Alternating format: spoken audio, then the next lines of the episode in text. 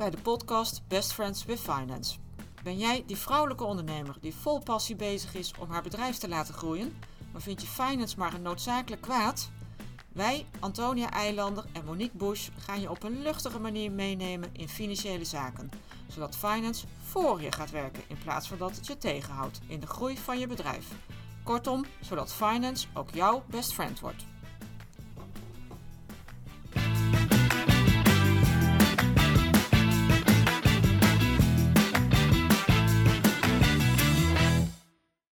Welkom bij de twintigste aflevering van onze podcast Best Friends with Finance. Dus we hebben een klein feestje vandaag, want dit is echt de twintigste aflevering eh, van onze podcast alweer. Antonia, dat hebben we toch echt gewoon goed gedaan, hè? Ik vind dat we dat echt super gedaan hebben. We hebben ons echt volledig gecommit aan dit verhaal. En we willen dit gewoon lekker voort blijven doen. Want we krijgen ook zulke leuke reacties vanuit jullie als luisteraars. Dat we er ook echt gewoon zoveel plezier in houden zelf. Ja. En nog zoveel onderwerpen op het lijstje hebben staan om te bespreken. Oh ja, ja. Wij elke keer dan denken we, oh, nou, ik weet even niks. En dan vervolgens denk je, oh ja, nee, toch wel. En dan heb je er alweer vijf. En dan Ja. denk je, moeten we weer kiezen. Hebben we weer Ja. een luxe probleem. Nou, en wat heb jij voor deze feestafleveringen vandaag eh, bedacht? Waar gaan we het eh, over hebben? Nou ja, het is de, de tijd van het jaar. Ja. Is het. het is september. Oh, ja. En in september, ook al is het dan nog echt net na de zomervakantie Mhm. en iedereen heeft zoiets van, nou, we, we, zijn net weer terug van, vanuit de zon. Ja, Ja, voor mij is het dan alweer bijna eind van het jaar. ja, ja. ja, voor ja. mij is het echt alweer bijna oud en nieuw. Voor finance mensen is september eigenlijk altijd bijna einde van het jaar. Ja. Dat is echt zo'n soort eindejaarsrally die Die op begint. alle finance onderwerpen gaat beginnen. Ja. Nou ja, en dan vooral aan de, aan de debiteurenkant, hè, dan eh, komen we even weer terug eh, heel eh, specialistisch op die openstaande vorderingen die we hebben uitstaan. Is het gewoon super belangrijk altijd dat je zorgt dat die zo laag mogelijk zijn Ja. aan het eind van het jaar. En dat is bij alle bedrijven zie je dat eigenlijk wel een beetje terug. En wat ik, wat ik het leukste daaraan vind, is dat je dan altijd eh, mensen hebt. Nou ja, je hebt de ene bedrijf die, die begint daar dan echt in september al mee. Mhm. Dat zijn de bedrijven die mij meestal niet zo heel hard nodig hebben, want die snappen het spelletje dan wel. Ehm, maar je hebt ook bedrijven die dan eens een keer eind oktober aan beginnen, of eens een keer halverwege november denken van oeh, die cijfers van november, die cijfers van oktober waren toch niet zo heel goed. Eh, oh, hoe gaan we dat eigenlijk? eh, zo kunnen we het het jaar niet eindigen. Nee, Help. ja. In alle eerlijkheid is het tegen die tijd eigenlijk wel een beetje aan de late kant. Oké, dus het is wel goed dat we deze podcast nu doen. Want als ondernemingen nog niet aan de eindejaarsrally zijn begonnen, dan moeten ze daar nu Dan echt heel is snel... dit je wake-up call. Gaan, gaan, gaan. Ja, En volhouden tot eh, in januari. Want ja, het is ook weer zoiets dat je het dan heel erg oppakt de komende maanden. En dan vervolgens in januari denkt, nou ja, we hebben 31 december gehad. En je laat het, eh, iedereen laat het gewoon weer vallen. Nou, dan zie je echt zo'n zo'n enorme eh, dalende lijn van die eh, receivables en van die openstaande posten. Tot aan jaareinde. En dan zie je dat in januari gewoon weer in één keer terugklappen naar het punt van daarvoor. ja. Ja, dat is natuurlijk ook gewoon zonde. Hè? Kijk, eh, mijn houding is, je moet het eigenlijk altijd onder Ja. controle hebben. En juist als je het dus altijd al onder Mhm. controle hebt, kan je ook heel goed zo'n eindejaarsrally doen. Zo'n zo'n zo'n cash drive Ja. aan in die laatste maanden van het jaar. Er zitten gewoon echt meerdere voordelen aan om te zorgen dat je dus per jaar einde die bedragen zo laag mogelijk hebt. Ja, want dat zat ik me net wel even af te vragen. Voor ons is dat natuurlijk echt een eh, vanzelfsprekendheid dat je aan zo'n eindejaarsrally begint. Maar waarom eigenlijk? Nou ja, het is echt grappig, want ik vraag het wel eens aan mensen die dan zeggen: ja, maar we moeten nu wel beginnen met eindejaars. En dan, dan stel ik gewoon een vraag: ja, maar waarom dan?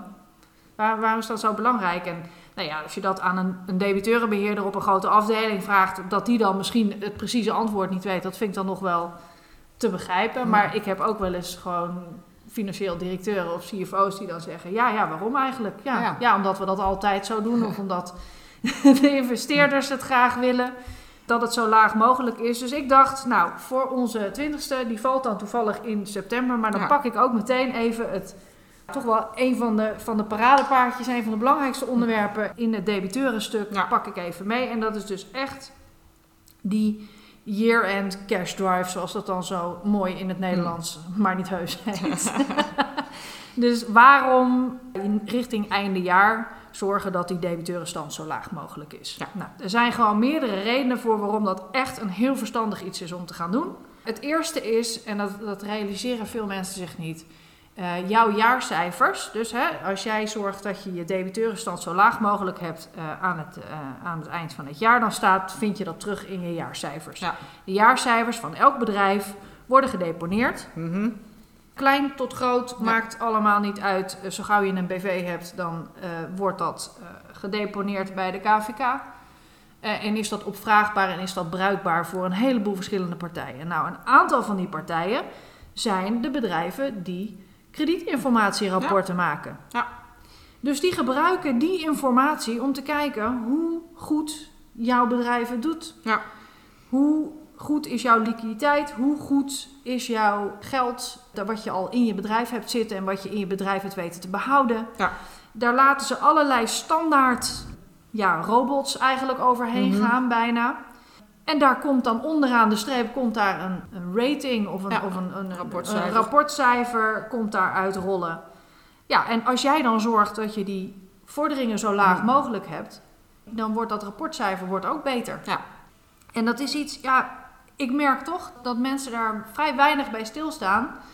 Dat het, ja, het is een momentopname. Ja. Ja, en waarom hè, maakt het dan uit waar het 31 december staat? eh, En waarom maakt het dan veel minder uit waar het 7 Ja. januari staat? Ja, dat is, dat is dan toch het, het mooie van de manier waarop in finance gerapporteerd wordt.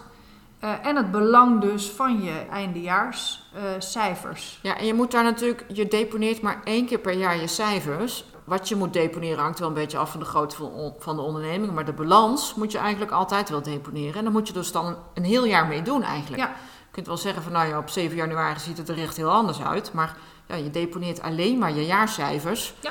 Ja, dan moet je dan weer een jaar opteren. Dus ja, het zijn wel, is wel belangrijk als die er dan mooi uitzien. Als het er mooi uitziet. Ja, want vooral als je dan, oh nee, als het er dan niet zo mooi uitziet en je besluit in januari van nou, we gaan er nu echt iets aan doen. hè, We vinden, Hmm. het, we vinden het waardeloos zoals we er nu voor stonden einde jaar. Dan kan je er in juni echt super veel beter voor staan. Ja, Maar dat ziet niemand nee. tot de december daarop. En dan is het ook maar afhankelijk Hmm. of je dan wel vol hebt gehouden. Ja. Dus heel belangrijk gewoon voor je eh, beoordelingen die, Hmm. je, die je krijgt eh, op je bedrijf. Want ja, die hoge openstaande vorderingen hebben gewoon een negatieve invloed op je kredietwaardigheid, op je ratings. Ja. Wat je dan ook nog ziet, is dat, dat de kosten van bijvoorbeeld leningen of financieringen, Gaat natuurlijk ook omhoog. die gaan ook omhoog.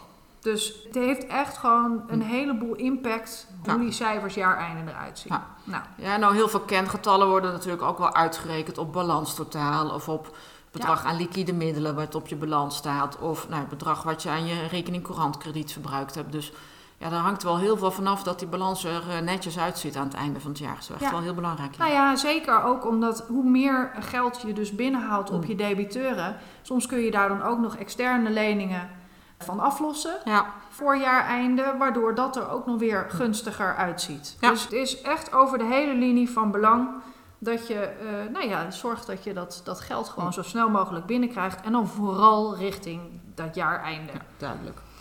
Een tweede impact die je potentieel hebt is, en dan is het eigenlijk wel meteen weer even het moeilijkste stukje van deze podcast. Kunnen we het maar gehad hebben. We kunnen het maar gehad hebben, inderdaad. IFRS 9 en de voorziening eh, die je daarop moet treffen. Niet alle bedrijven eh, doen hun boekhouding volgens IFRS 9. Sterker nog, dat zijn vaak grotere eh, Ja, vaak de- internationale de- bedrijven. De beursgenoteerde bedrijven zie je het vaak doen en de internationale bedrijven. Ja. Ja, klopt. Ja. Maar goed, we willen deze voor alle ondernemers deze podcast maken. Dus toch even IFRS 9. Eh, Wat is nou het, het ingewikkelde van IFRS 9? Daar heb je de ACL. En de ACL is de afkorting voor Expected Credit Loss. Wat dan maar wil zeggen ehm, wat je verwachte verliezen zijn op het gebied van je debiteuren Ja. saldo. Daar moet je binnen IFRS 9 een voorziening voor treffen. En die voorziening die is vaak gebaseerd op percentages. Dus Mhm. dat, want hey, je moet dan naar voren kijken. Ik ga daar verder niet te diep op in nu, want dat is best wel ingewikkelde Mhm. materie. Maar waar het om gaat is dat ze verwachten, als je op die manier je boekhouding doet, dat je voor elke factuur die je uitstuurt, op basis van de leeftijd van die factuur, Hm. toch een vorm van voorziening treft voor het geval die niet betaald wordt. Ja. En het is heel belangrijk in die zin dat je dus zorgt als je IFRS 9 hanteert Mhm. binnen jouw bedrijf, dat je je debiteuren zo laag mogelijk houdt. Ja. Over de hele linie. Hè? Dan heb ik het niet alleen over de vervallen debiteuren, maar ook over de courante debiteuren. Eh, waarom?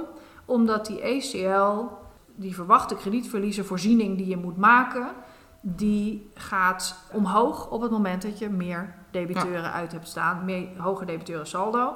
En dat heeft een directe impact op je resultatenrekening en je netto winst. Want Ja. het gaat zo je PNL in. Ja, want een voorziening vormen, dat, is gewoon, eh, dat zijn gewoon kosten die je moet eh, Ja. maken. Dus inderdaad, eh, dat gaat gewoon ten koste van je winst. Is gewoon één op één gaat dat van je winst af. Dus hoe hoger die voorziening die je daarvoor moet treffen, hoe meer pijn het doet. Ja. Dus nog een goede reden Goede reden, ja. om te zorgen dat jij een zo laag mogelijke debiteurenstand hebt aan het jaareinde.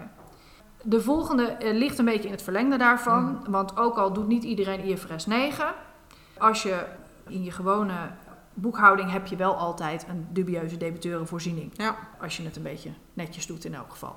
Nou ja, volgens de regeltjes Volgens moet de je dat regels gewoon, heb je, ook als je er geen hebt, heb je het uit te leggen waarom je er Ja. geen hebt. Ja. Ehm, dus hoe dan ook moet je daar iets mee. En op het moment dat die debiteuren heel hoog zijn en heel oud, Mhm. Ja, dan gaat er niemand mee akkoord dat jij geen debiteurenvoorziening hebt. Nee. Dus als het hoog is, moet je misschien extra reserves treffen. En dat doet natuurlijk ook weer zeer. Want dat die is dezelfde voorziening, dus dat gaat ook weer rechtstreeks Dat ten koste gaat- van je winst. rechtstreeks je winstgevendheid in. Ja. Nou ja, en die winstgevendheid, we hadden het eerder al over. Ja, dat, dat doet gewoon zeer bij een heleboel andere eh, processen, producten en diensten die je het jaar erop Ja. potentieel nodig hebt. Financieringen en leningen, maar ook kredietwaardigheid Ja. en ratings. Duidelijk. Dan uiteraard liquiditeit en cashflow. Ja. Dus nou ja, hè, klinkt eigenlijk als een no-brainer. Hè, maar het- de eerste zijn natuurlijk een beetje meer rapportage-effecten. Maar het heeft natuurlijk gewoon ook een directe invloed op je liquiditeit en cashflow. Hoe groter het bedrag is wat eruit staat, eh, hoe groter het bedrag dat er vast zit. En dan kan je het niet gebruiken voor je dagelijkse uitgaven om die af te Ja. dekken. Hè, dan kun je liquiditeitsproblemen krijgen. En dat wil natuurlijk niemand, want Nee. je wil allemaal gewoon aan je eigen financiële verplichtingen ook blijven voldoen richting jaareinde. Maar hier geldt natuurlijk 365 dagen per jaar. Ja, Dat is, eh, eigenlijk wel. Ja. Maar daarom is het eigenlijk altijd belangrijk dat Mm. je hem zo laag mogelijk houdt. Wat je ook niet wil vergeten is je relatie met je klanten. Daar is het ook gewoon belangrijk voor dat je aan jaareinde die saldo's gewoon zo laag mogelijk houdt. Hoe langer bepaalde dingen open blijven staan, hoe meer negativiteit er eigenlijk komt in je klantrelatie. Daar hadden we natuurlijk laatst ook al even over bij de debiteurensoftware Ja. podcast. Maar in dit geval is het ook gewoon belangrijk dat het, het zijn niet altijd, het ligt niet altijd aan de klant Nee. dat er iets open staat. Hè, laten we daar ook even realistisch in zijn. Soms liggen er klachten, soms liggen er nog prijsverschillen, eh, andere eh, redenen waarom een factuur nog open blijft staan. Zorg dat je die dingen oplost, Ja. zodat er gewoon betaald kan worden voor het jaareinde. Want net als dat jij eigenlijk je jaareinde zo netjes af, mogelijk wil afsluiten, wil je klant dat ook. Nou ja, en ook gewoon al een beetje vooruitkijken naar volgend jaar. Het is natuurlijk doodzonde als je het eh, nieuwe jaar begint met een, eh met een creditnota, omdat je vorig jaar iets niet goed gedaan hebt. Dus Precies. ja, dan begin je eigenlijk al met een achterstandje. Ja. Dat wil je natuurlijk ook niet. Je wil eigenlijk ook gewoon weer netjes opgeruimd eh, aan het nieuwe jaar het beginnen. nieuwe jaar beginnen. Dus pak het op en zorg dat je het wegwerkt.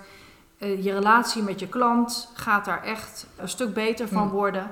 En die relatie, die wil je ook weer gebruiken als je het dan toch hebt over jaareinde en die cash drive die je wil doen aan het jaareinde. Ja, die relatie is heel belangrijk dat je soms net eventjes iets eerder betaald krijgt dan Ja. dat eigenlijk de vervaldatum is van je factuur.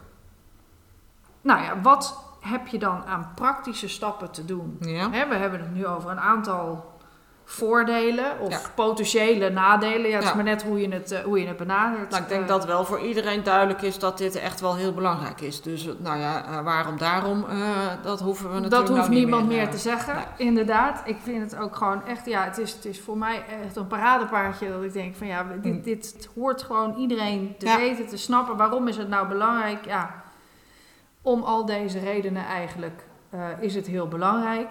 Maar ja, hoe dan? Ja, Dat is natuurlijk altijd meteen de volgende vraag. Ja, hoe gaan we dat dan voor elkaar krijgen? Eigenlijk kom je dan terug bij de basis van goed debiteurenbeheer, duidelijke betalingsvoorwaarden, communiceer die goed met je Ja. klanten. We hebben gestructureerd debiteurenbeheer op met herinneringen. Eh, als je nou echt richting jaareinde nog een, een, een flinke deuk wil slaan in die betalingen die eigenlijk nog niet binnen hoeven te zijn, maar die wil je wel binnenhalen voor Ja. die tijd, kun je nog een eventuele korting aanbieden aan je klanten voor extra snelle betalingen. Mhm. Eh, is in het buitenland vaak wat ja, meer gebruikt dan hier in Nederland. Maar weet je, er zijn echt wel debiteuren die gewoon wat geld over hebben Ja. aan het einde van het jaar. Misschien is er nog ergens een potje. Ja, en als je dan korting kan krijgen, ja, dat is mooi meegenomen. dan is ja. het mooi meegenomen, dan doen ze dat misschien wel.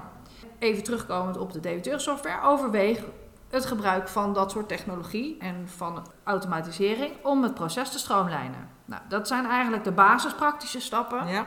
Wat dan vanuit mij nog wel echt een, eh, een belangrijk punt is, zorg dat je die laatste maanden ook goed erbovenop zit. ja, En dan niet alleen richting de klant, maar ook intern. intern, ja, dat iedereen weet dat we eraan werken. Dit ja. is wat we doen. Communiceer daar goed over. Ja. Zeker als je in een wat groter bedrijf zit. Je hebt een, een, een grote onderneming waarin, waarin meer gebeurt. Ehm, zorg dat het gedragen wordt door iedereen. Dat Hm. iedereen snapt waarom doen we dit. Laat ze voor mijn part allemaal de podcast luisteren. Dan weet iedereen waarom het zo belangrijk is. Maar zorg dat je iedereen vertelt waarom het zo belangrijk is en wat je dan precies gaat doen. Ja. Nou, wat kun je dan precies doen? Voor mij zijn er altijd een aantal stappen. Kijk waar je nu staat. Ja, Analyseer dat goed. Mm. Hè, gebruik alles wat je aan data hebt en kijk van hey, wat zit er nu in, Ja. in dat debiteurensaldo, in die openstaande vorderingen. Kijk alvast een beetje vooruit. Wat hebben we nu ook al gemaakt? Wat Mm. nog? Gefactureerd moet worden. Ja. Ja, maar ook wat is er al gefactureerd en wat, wat moet er nog vervallen Ja. voor het jaar einde. Klassificeer dat een beetje. Doe echt die, die brede analyse. En vervolgens maak een target. Ja, dat is natuurlijk altijd het allerleukste. Dat je gewoon wel een stip aan de horizon eh, neerzet. Maak het meetbaar. Pak dat target, zet van, nou, we staan nu hier, zeg, je staat nu op eh 50.000 euro en Ja. we willen, eh, per jaareinde willen we dat 25.000 Mhm. euro is. Maak dat ook kleiner. Ja, Hak dat op in kleine stukjes per week het Ja. liefst. Want je wil gewoon die laatste paar maanden, wil je er echt bovenop zitten. Dan wil je elke week weten, hey, hoe ver zit ik vanaf mijn lijn? en dan heb jij dit, jij doet dit natuurlijk ieder jaar. Ja. Jij zegt net, geeft als voorbeeld van 50.000 naar 25.000. Wat heb jij in jouw praktijk gezien? Wat zijn nou echt haalbare percentages? En wat zijn echt leuke, eh, nou, het is bijna een challenge dan, waar je natuurlijk Ja. aan begint. Nou ja, dat. En daar is die analyse wel heel Hmm. belangrijk voor. Het is toch vaak wel maatwerk, een Ja. target stellen. Vooral omdat niet iedereen heeft eenzelfde samenstelling van de portefeuille, van je Hmm. aging, zoals we dat dan Hmm. altijd noemen. Hè, de ouderdom van je, van je openstaande saldo Ja, dat is natuurlijk is, is heel belangrijk voor de target. Wat mijn stelregel eigenlijk is, is ik vind dat er boven alles wat meer dan 60 dagen vervallen is op het moment dat ik het target ga stellen, Ja, dat wil ik met 75% verminderen. ja, Dus dat, dat moet echt significant naar beneden. Ja. En ik probeer dan het vervallen saldo zeg maar tussen 0 en 60 dagen. Mhm. Dat wil ik doorgaans halveren. Oké, dat zijn best ambitieuze Ja. doelstellingen. Ja, En als jij zegt dat wil ik, nou dan ken ik jou goed genoeg. Eh, dan, dan heb je dat ook al heel achteraan. heb ja. je dat ook al best vaak genoeg eh, gerealiseerd. Dus je, je mag best wel heel ambitieus zijn in die doelstelling. Dus Zeker. als ja. nou hier luisteraars denken van nou dit is voor mij niet van toepassing, think again. Ja, absoluut. Want het is gewoon heel belangrijk dat je daar echt een goed stuk ambitie in stopt. Ja. Alleen al omdat het, eh, zo, als het dan eindelijk december is, Mhm. wordt het soms heel lastig. Hè? Dan zijn bedrijven gaan dicht, gaan Ja, met vakantie. Er komt altijd nog wel weer iets terug. Dus dat is nog een tip van mij. Ik zet mijn target altijd op 30 november. Ja. In een enkele uitzondering zet ik ze op 10 december Ja. of, of iets van die strekking. Maar dan is het Maar- jaar echt wel klaar voor Maar voor mij, alles wat je op 30 november al hebt, Ja. Is redelijk representatief van waar je op 31 december Ja. uitkomt. Eigenlijk is dat ook een, een extra motivatie om in september al te beginnen Ja. met je jaareinde race. Want je, komt eigenlijk een maand tekort. Ja. Zeker als je gewoon mikt op, op eind november. Dus voor mij staat vaak de, de targetlijn, die, die loopt heel stijl naar eind november. Ja.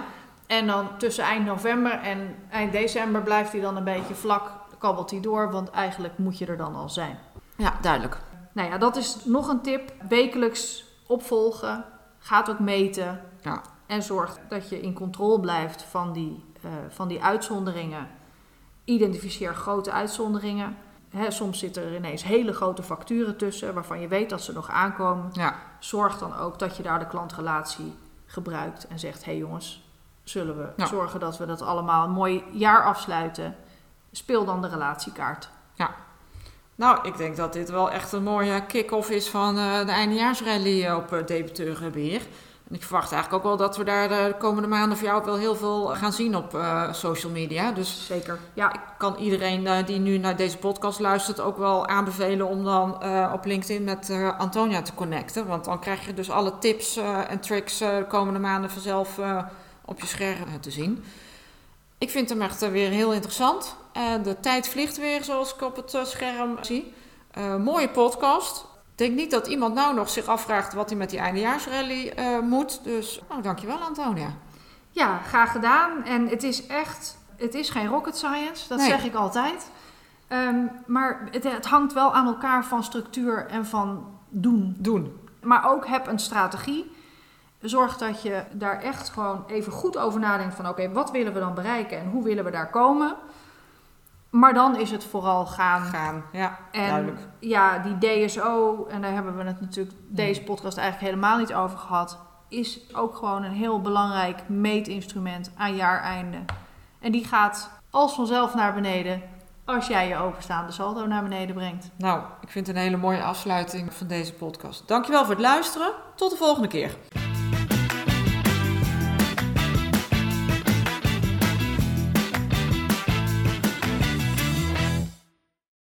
Dankjewel voor het luisteren naar onze podcast. Dat vinden we superleuk. Als je onze podcast waardeert, zou je ons dan een review willen geven in de podcast-app. Dat kan door bijvoorbeeld 5 sterren te geven in Spotify. Daar zijn we blij mee en zo wordt onze podcast beter vindbaar voor andere vrouwen. En vind je het leuk om contact met ons op te nemen? Dat kan dan via LinkedIn. Tot de volgende keer.